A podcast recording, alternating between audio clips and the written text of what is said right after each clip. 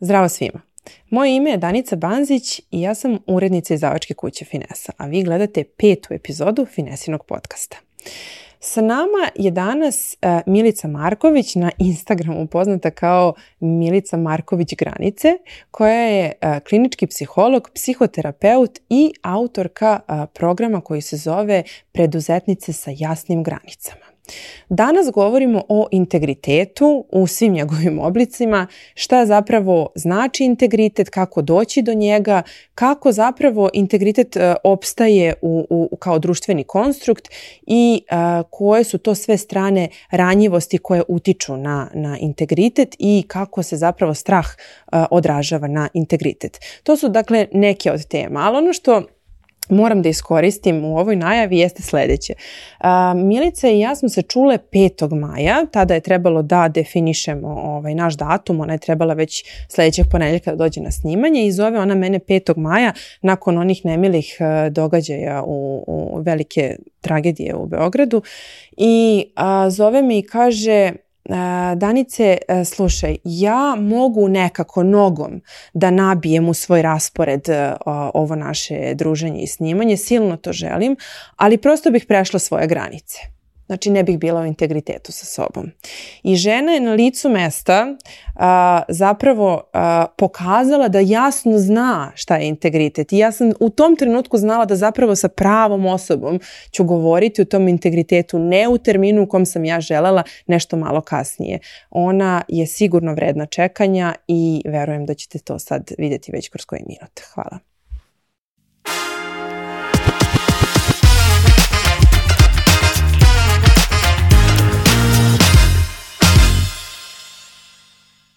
Pričamo danas o integritetu i to je nešto, čini mi se da danas mnogo ljudi govori o tome.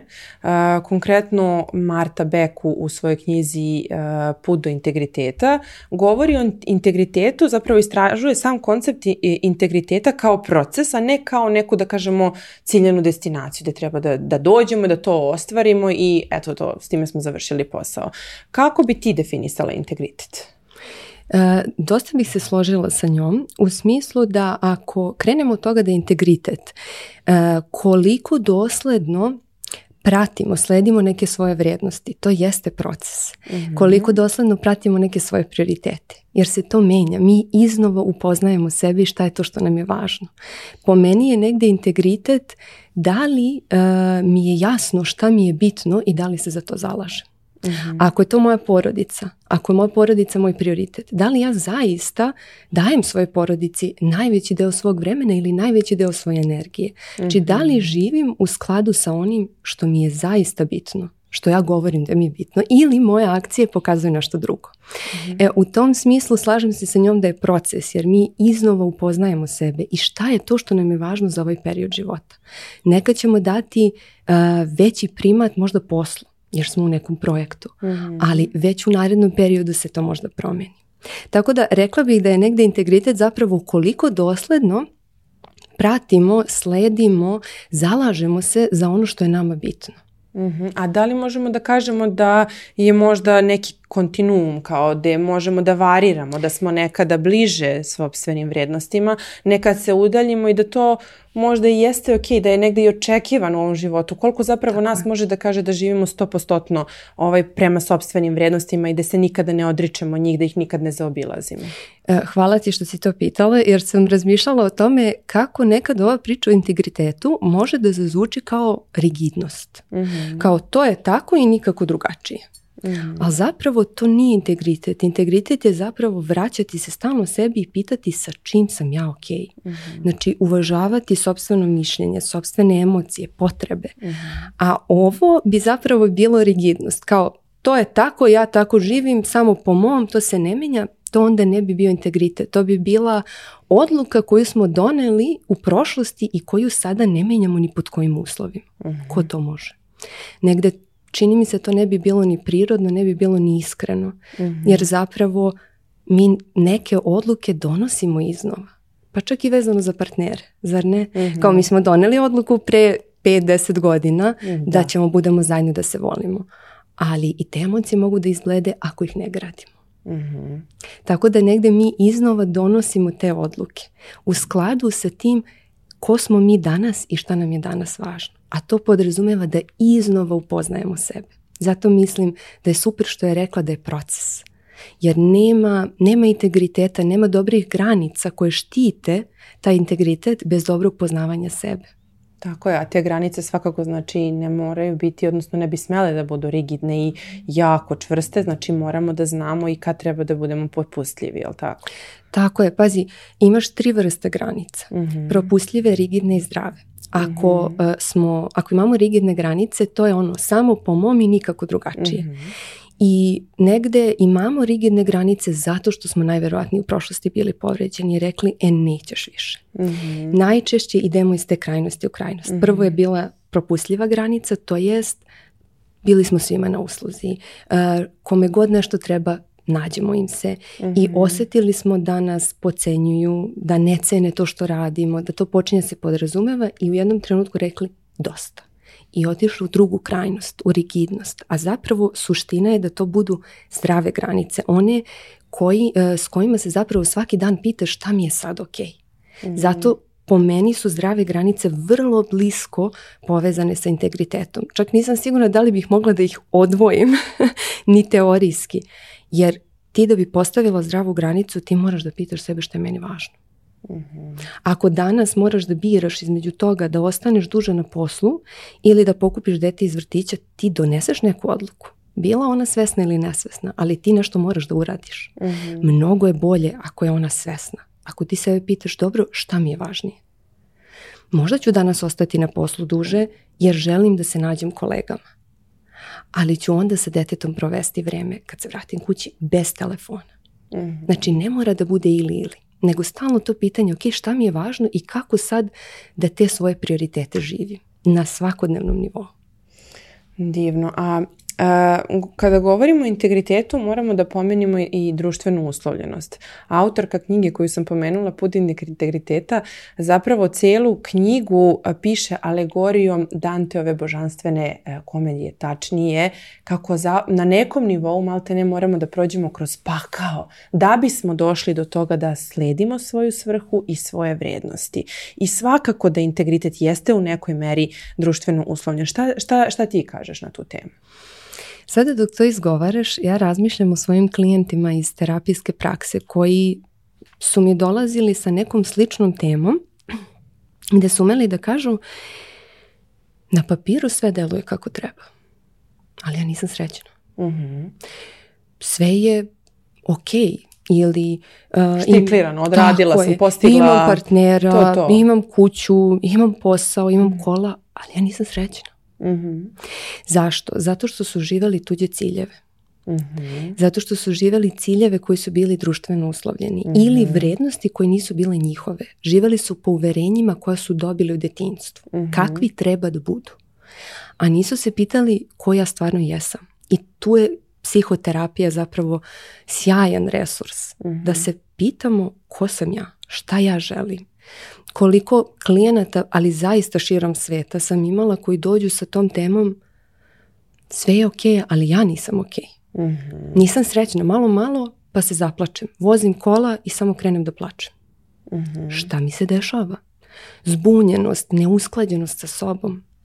Znači, ako nismo usklađeni sa sobom, ako ne idemo ka svojim ciljevima, nego ka društvenim, mi se osjećamo nesrećno.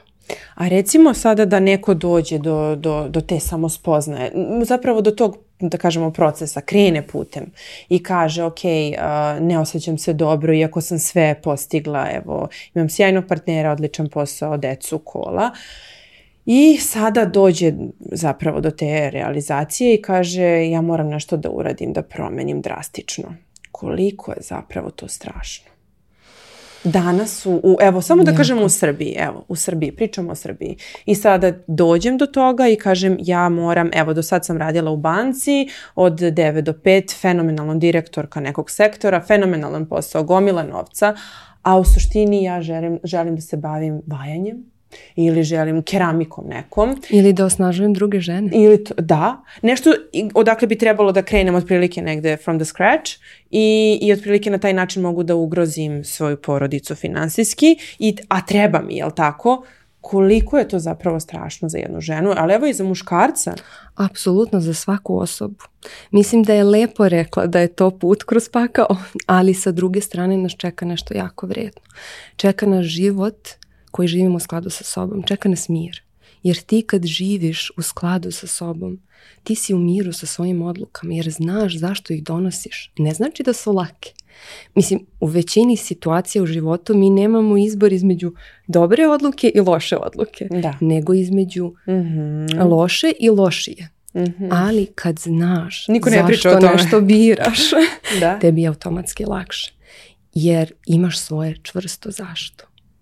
E u tom smislu, čak i ako dođe do tog trenutka da ona treba da menja potpuno svoj karijerni put, ako zna zašto to radi, ako zna šta je alternativa, upravo to, alternativa je gora. ne želim to, ovo jeste teško, ali dugoročno može da mi da uh, nešto što želim. Kao kad sigurnost. uđemo u tunel. Da. Kao sam tunel je mračan, ali prolaziš kroz njega zato što sa druge strane te čeka svetlo. Mhm. E, I naravno mislim da je bitno da kažemo da nekad se ne dese tako drastične promjene. Ja sam imala jako puno klijenata koji nisu promijenili ništa što je drugim ljudima vidljivo. Ostali su sa istim partnerom, na istom poslu i tako dalje, ali su promijenili pristup. Promenili promijenili su kako rade, kako razgovaraju sa nadređenima, sa podređenima, sa partnerom kako doživljavaju Tako sve to. i mhm. bilo im je bolje jer su počeli da žive iskrenije. Naprimjer, šta se desi? Ti vodiš neki tim i ti želiš da ga vodiš u svom integritetu. Naprimjer, da ti je vrijednost jednakost. Što mhm. znači želim da svi moji zaposleni imaju dobre uslove, da e, ne ostaju prekovremeno ili ako ostanu da je to neki timski e, trud. Međutim, onda ima šefa koji se ne slaže s tobom. Mhm. Ali ti moraš da radiš po njegovim kriterijumima. Mhm. I ti sad već odstupaš od svog integriteta. mm Šta onda radimo? Jedan način da to rešiš jeste da odeš sa tog mesta. Ali šta ako voliš svoj posao? Šta ako voliš svoj tim? Samo ti ne odgovara pristup. E tu kreće pregovaranje. Kako da ja iskomuniciram kroz zdrave granice svom šefu šta ja želim da postignem sa ovim timom. Da mogu da ostanem tu, ali da mi bude dobro. Mhm. Konkretno ti pričam sad u primjeru jedne klijentkinje s kojom sam radila pre nekoliko godina. To je bilo njeno rješenje. Ona je i dalje na tom poslu samo je srećnija. Mhm. Jer je promijenila pristup. Tražila je iskreno šta joj je potrebno. E, prestala je da čeka da je cene i aktivno tražila prepoznavanje za projekte koje ona vodi, koji su donosili ogromne rezultate. I mhm. automatski joj je bilo bolje. Jer ona nije živela svoje vrijednosti nije morala da promeni okolnosti, promenila je kako im pristupa. mm Tako da i to je bitno da znamo da ako prosto e, nam nešto ne prija, ako smo nesrećni, ne znači da moramo da promenimo partnera posao. Možda možemo promenimo pristup tome. Da, to je sjajna perspektiva. Nisam, nisam razmišljala na taj način, ali koliko je zapravo važno kako se mi odnosimo i kako mi komuniciramo sa sobom po određenom pitanju, to zapravo može da bude izuzetno blagotvorno kada su takve stvari u pitanju. I tu je velika moć psihoterapeuta ili mentora. Prosto rada sa nekim ko će iznova da te pita a šta ti želiš, šta je tebi važno. Jer mi smo, mislim krenuli smo jel, od priče o socijalnom mhm. uslovljavanju, mi od detinjstva slušamo kakvi treba da budemo da bismo bili uspešni, prihvaćeni, da bi nas drugi ljudi voleli i mi samo nastavimo da to živimo po automatizmu. I često nas to odvede u udovoljavanje drugim ljudima i prelaženje sobstvenih granica. Pre nego što nam iko išta tražio, mi oštetimo sobstveni integritet. Nešto mi nije okej, ali ja ću to ipak da uradim jer želim da, da ti se dopadne. E, ne želim da ostane prekovremeno, ali ostaću da bi bila kolegijalna. Mhm. A iznutra se jedan. Mhm. A reci mi, na primjer, E, šta misliš, u kojoj to dobi mi zapravo budemo svesni sobstvenih vrijednosti, zapravo toga da, da smo u poziciji da budemo u integritetu? Kada? Jer sad razmišljam nešto, recimo da ti dođe dete koje sad recimo završava srednju školu i kaže, gledaj mama, meni se ne dopada ni jedan fakultet, ali ja zato želim ne znam, mnogo bih želela, želao da se bavim nečim što je tako alternativne prirode, da bude i samouk u nekom, u nekom pogledu i to je ono što ja želim i, i želim to da pratim. Sad ti kao sa strane kao roditelj bukvalno hvatate paranoja, ono kao kako sad to, pa čekaj, pa ja znam šta, šta znači da završiš fakultet, ja znam šta znači da imaš praksu negde i to. Kako ti zapravo da odmeriš i da znaš da je tvoje dete u tom trenutku zaista u integritetu sa sobom, da nisu neki bubi koje su njega ili nju uhvatile u datoj dobi. Mhm. Kad ja mogu da kažem da je neko zapravo sposoban da bude u integritetu, dovoljno zreo da bude u integritetu sa sobom? To je jako dobro pitanje i mislim da građenje istog kreće još kad su deca mala. Mhm. Ali tu već u tim nekim tinejdžerskim godinama možemo da vidimo koliko smo taj posao dobro uradili. Mhm. Činjenica je da je dete uopšte došlo do toga da postavi takvo pitanje je signal da to dete dobro poznaje sebe, da ima poverenja u sebe, mhm.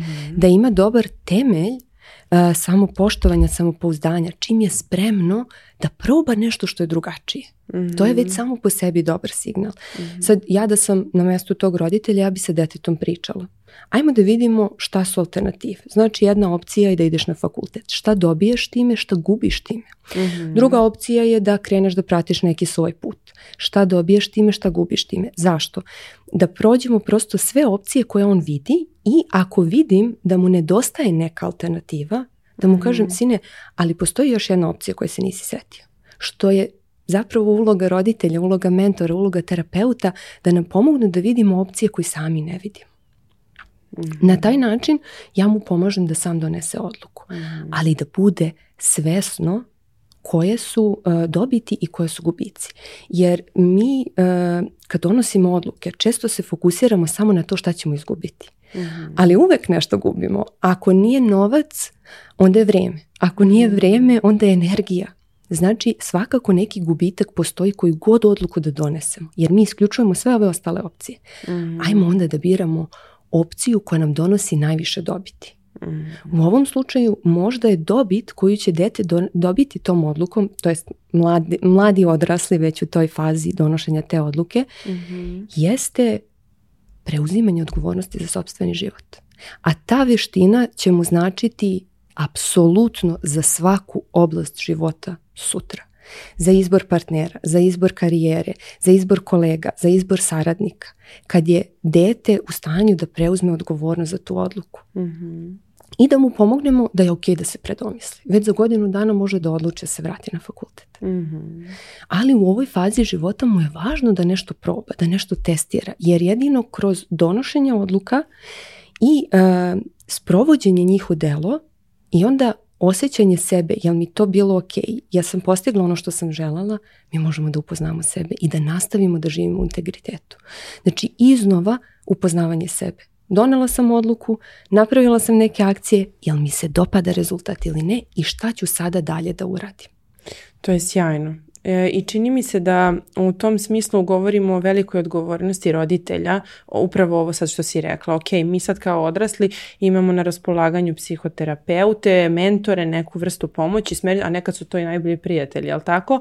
A s druge strane kad si dete, mama i tata su tu u suštini imaju jednu jako važnu odluku zapravo jako važnu ulogu mhm. koja se tiče upravo te odgovornosti za život svoje dece. Jer eto i Gabor Mate u svojoj knjizi Katelo kaže ne i opet kaže Marta Beck u ovoj knjizi e, Put do integriteta često govori o psihosomatici, o tome kako te odluke koje su mhm. prividno društveno prihvatljive. Evo recimo Marta kaže kako je završila silne škole, Harvard i ostalo, silne diplome dobila doktorate a, a uporedo sa time je imala strašne tegobe fizičke. Baš je onako bila na jako lošem mestu dok zapravo ni, i tražila je pomoć i lekove i šta sve ne. I nije mogla da zapravo dobije nikakvu konkretnu pomoć zato što je sve polazilo iz glave upravo iz tog, sa tog mesta gde ona sebi mm. nije davala pravo na život kakav je želela. Da, telo ne laže. Telo ne laže, telo ne laže i ako nešto nije u skladu sa nama, osjetit ćemo. E, možda kroz glavobolju, možda kroz da. migrene, želudac, želudac da, kamen u žučnoj kesi, e, bolovi u telu, u ramenima, stegnut vrat, štitna žlezda. Znači naše telo ima način da nam da signal da nam nešto nije ok. Problem je što mi ne čujemo telo dok šapuće, nego ga čujemo tek kad krene da vrišti, to jest kad se pojavi neka bolest.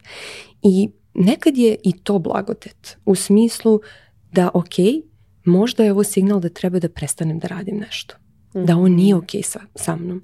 E, to je i meni pomoglo da neke granice postavim. U jednom trenutku kad mi je zdravlje bilo ugroženo, shvatila sam da ako ne odaberem sebe, neće mi vrediti to što imam druge ljude. Mm-hmm. To što ću možda zadržati partnerski odnos, ali izgubiti sebe mi ništa neće značiti. Mm-hmm. Tako da nekad su neke, pogotovo autoimune bolesti, tu da nam daju signal, hej, ne živiš u skladu sa sobom. Nešto nije ok. Boli me glava. Da li sam donela neku odluku, a nisam želela? Rekla sam da, mislila sam ne. Nisam usaglašena. Mhm. I onda moje telo reaguje. Naravno, vrlo je individualno, tako da treba se pitati šta meni ovaj signal iz tela govori, jer neće isto značiti glavobolja za tebe i za mene. Mhm.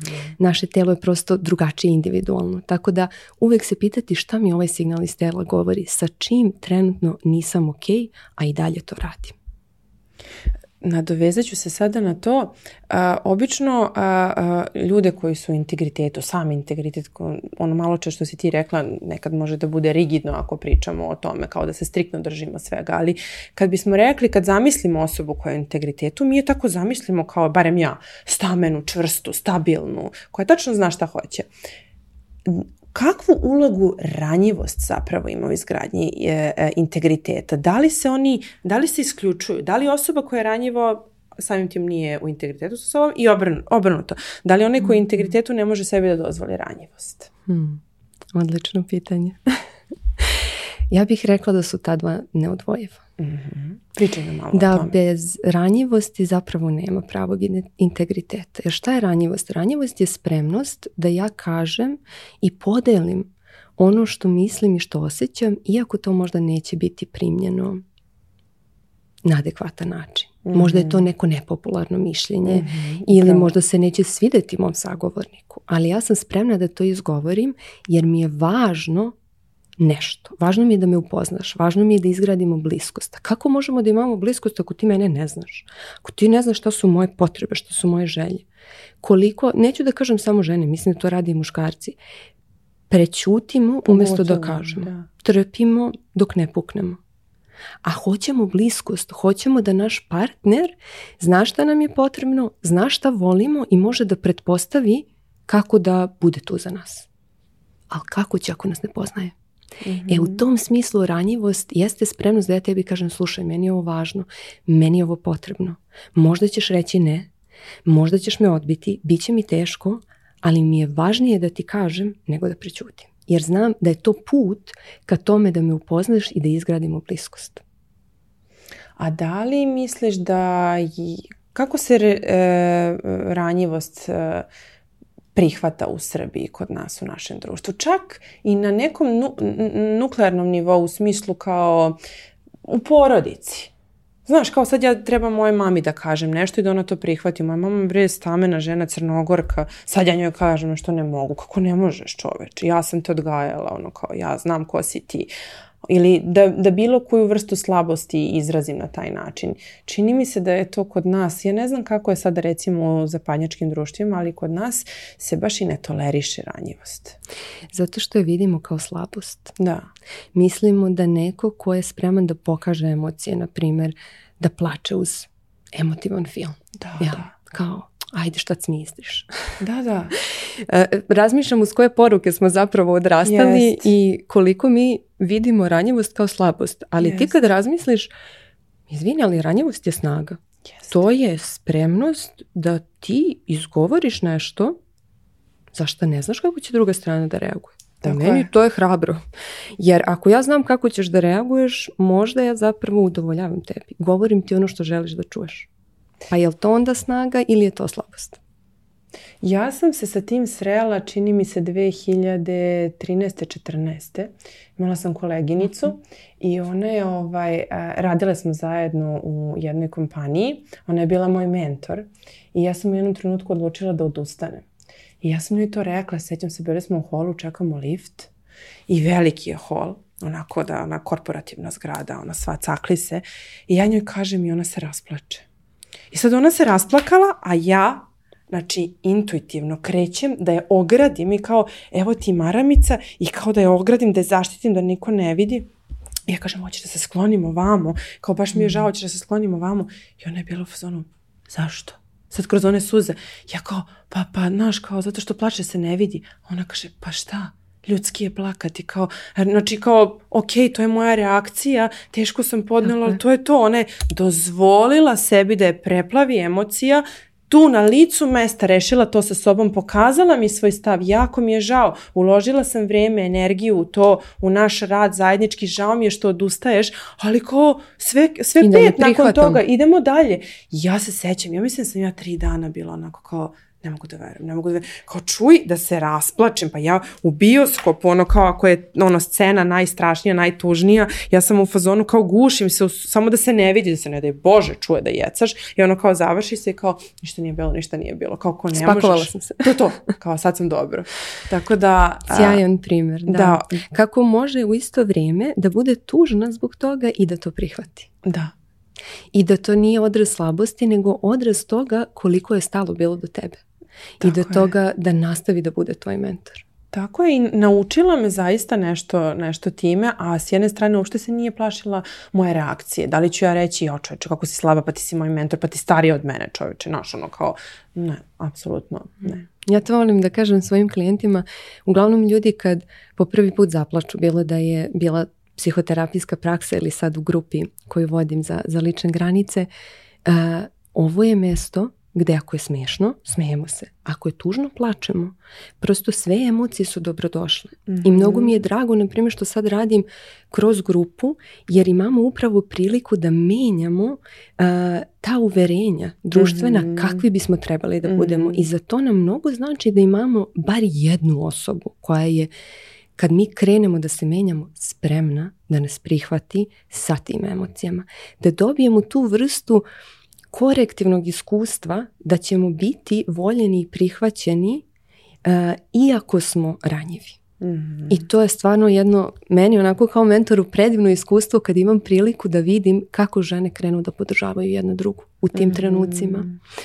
Jer to onda postaje primjer da je moguće. Ako je moguće ovdje, moguće je i u svakodnevici. Mhm. Samo treba da pronađem te ljude koji su isto tako spremni da budu otvoreni, da budu mhm. iskreni, da budu mhm. ranjivi. Da. I da se otvorim za to da ih pronađem. Divno. Da.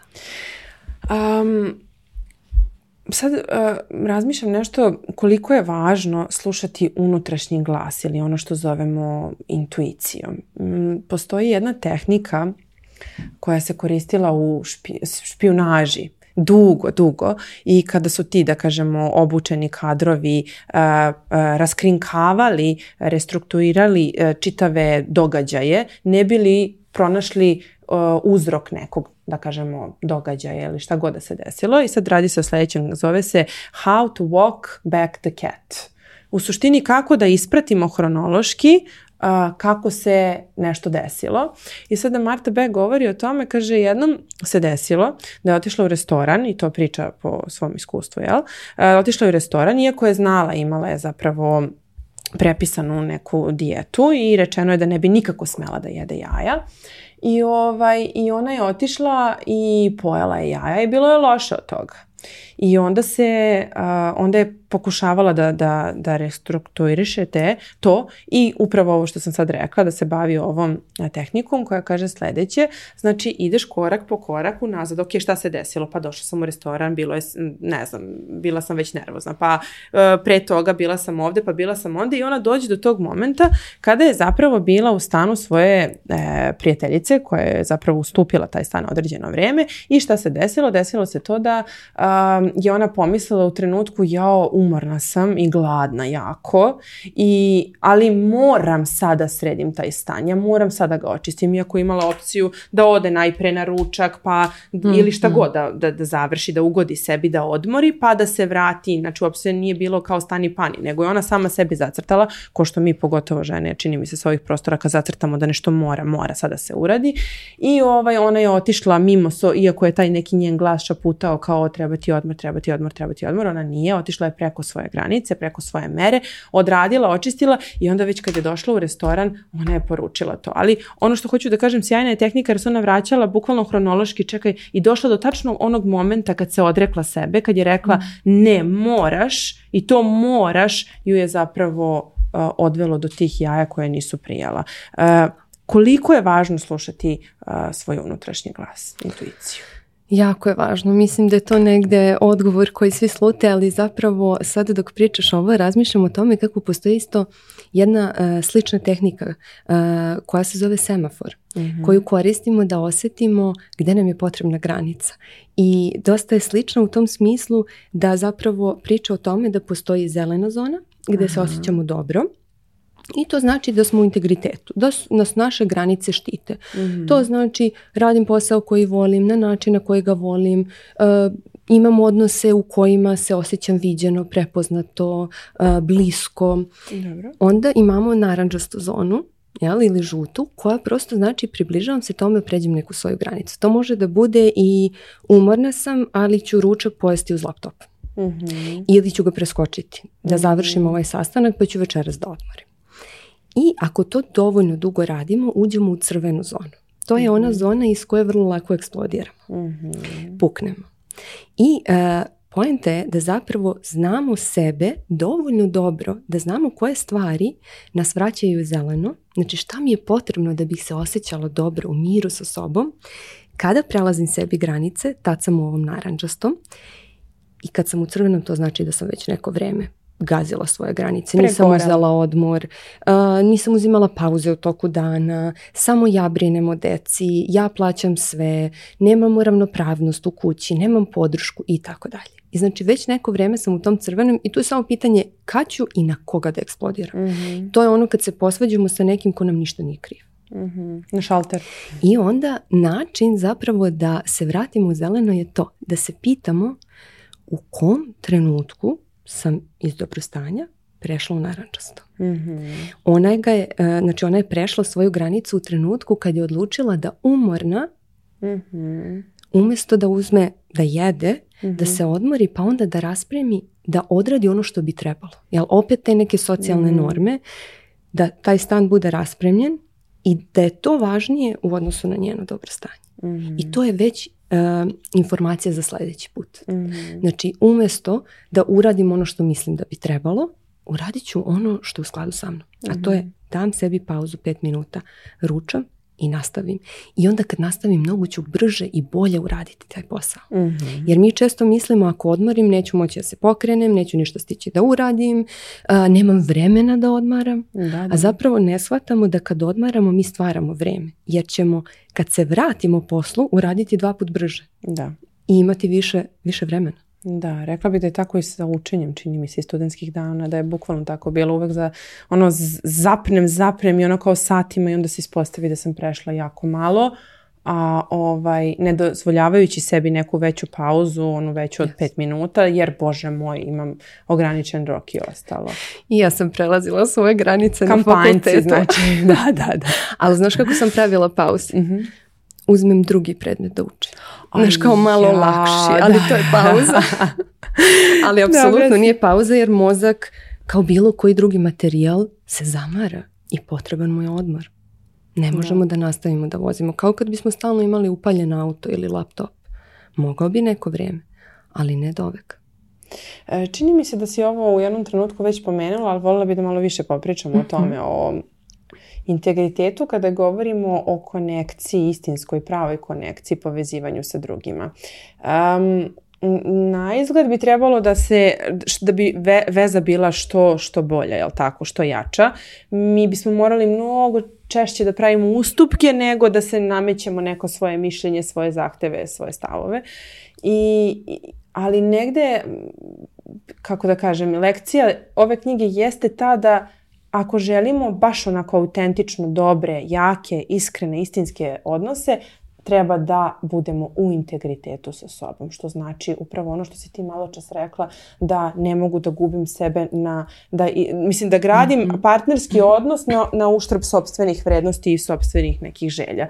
I, I da je to jako važno da budemo u integritetu sa sobom, da bih zapravo mhm. stvarno stvarila dobru vezu. Inače, neko trpi tu, li tako? Ili ja ili partner, na primjer ako pričamo o partnerskim odnosima. Mhm. Šta ti kažeš, koliko je zapravo to važno da bismo stvarali poverenje i istinsku konekciju sa nekim? Neophodno je.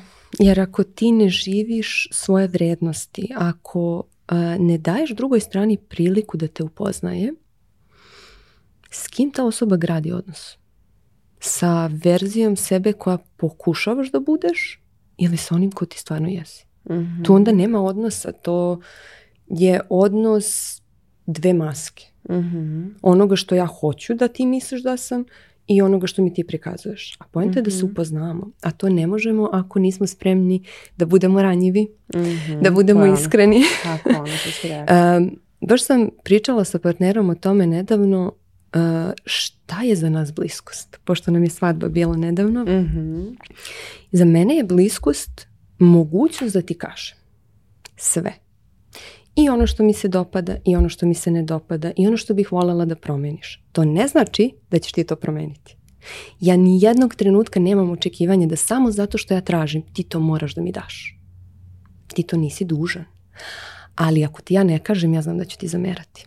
Mhm. Ja znam da će to da ispliva u nekom trenutku. Kao, znači, frustraciju prosto ne možemo da potisnemo možemo, kao loptu, onako na moru, kad smo pa mi guramo ispod vode, guramo, guramo, ali u nekom trenutku će iskočiti.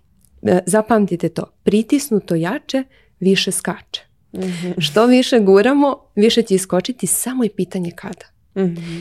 U tom smislu, bliskost je za mene da ti kažem šta mislim i osjećam, ali da te ne primoravam da moraš da misliš kao ja ti možeš da misliš drugačije. Zato ja ne verujem u kompromis, jer kompromis je i ja i ti se odričemo nečega.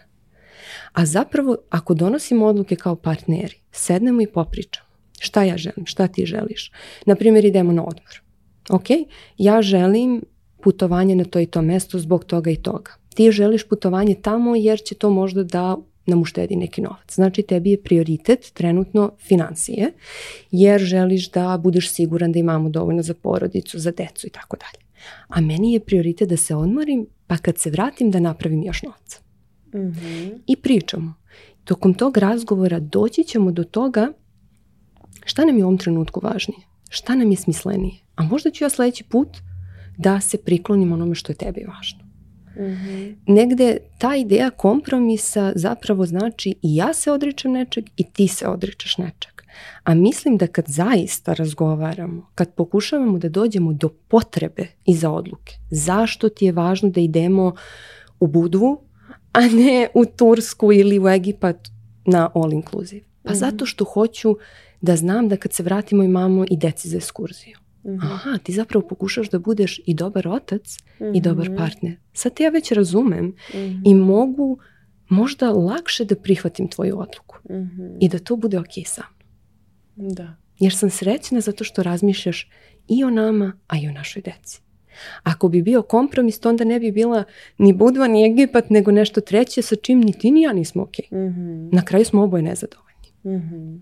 Tako da po meni negde integriteta nema bez iskrenosti, bez spremnosti da ranjivo delimo i da se iznova upoznajemo. I drugu stranu i sebe.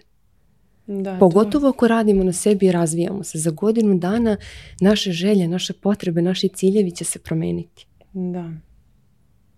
To baš Ester Perel, ona je pričala o tome koliko je važno da kada se suočavamo s partnerom u smislu da jedno kaže želi jedno, drugo želi drugo, da negde umjesto da se toliko trudimo da, da, da negde da kažem zacementiramo sobstveni stav i da ga prikažemo kao jedan jedini i, i, najpoželjniji, da je zapravo idealno rješenje da dozvolimo jedno drugom da nas upoznamo jedno drugom sa, upravo ovo čemu ti pričaš, mm. sa pozadinom, sa tim šta stoji zapravo, koji je moj poriv ako ja tražim da idem u budvu, a koji je moj ako želim all inclusive.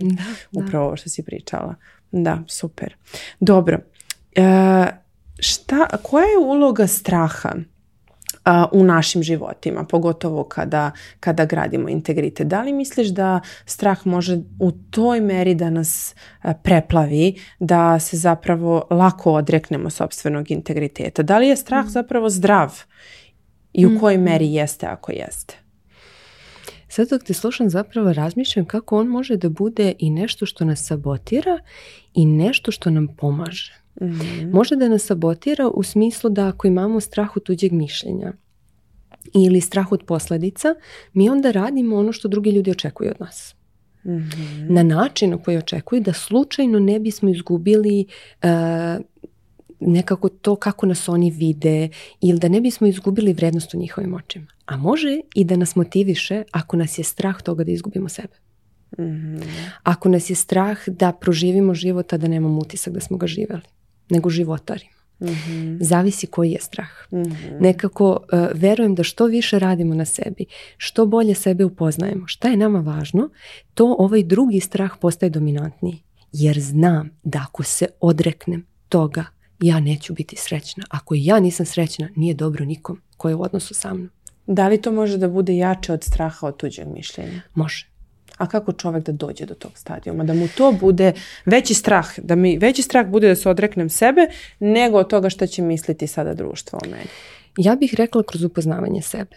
E, zašto sam tako jednoglasno, čvrsto odmah rekla da, zato što znam taj trenutak u radu sa ljudima, bilo kroz terapiju, bilo kroz mentorske programe, gdje osoba osjeti sebe toliko dobro da zna da ne može više da nastavi da udovoljava drugima i da pravi kompromise, jer neće biti ni ona dobro, a neće ni drugima oko nje biti dobro. I onda taj strah da izgubi sebe, mhm. da joj život prođe tek tako u udovoljavanju tuđim potrebama, mhm. postane jači.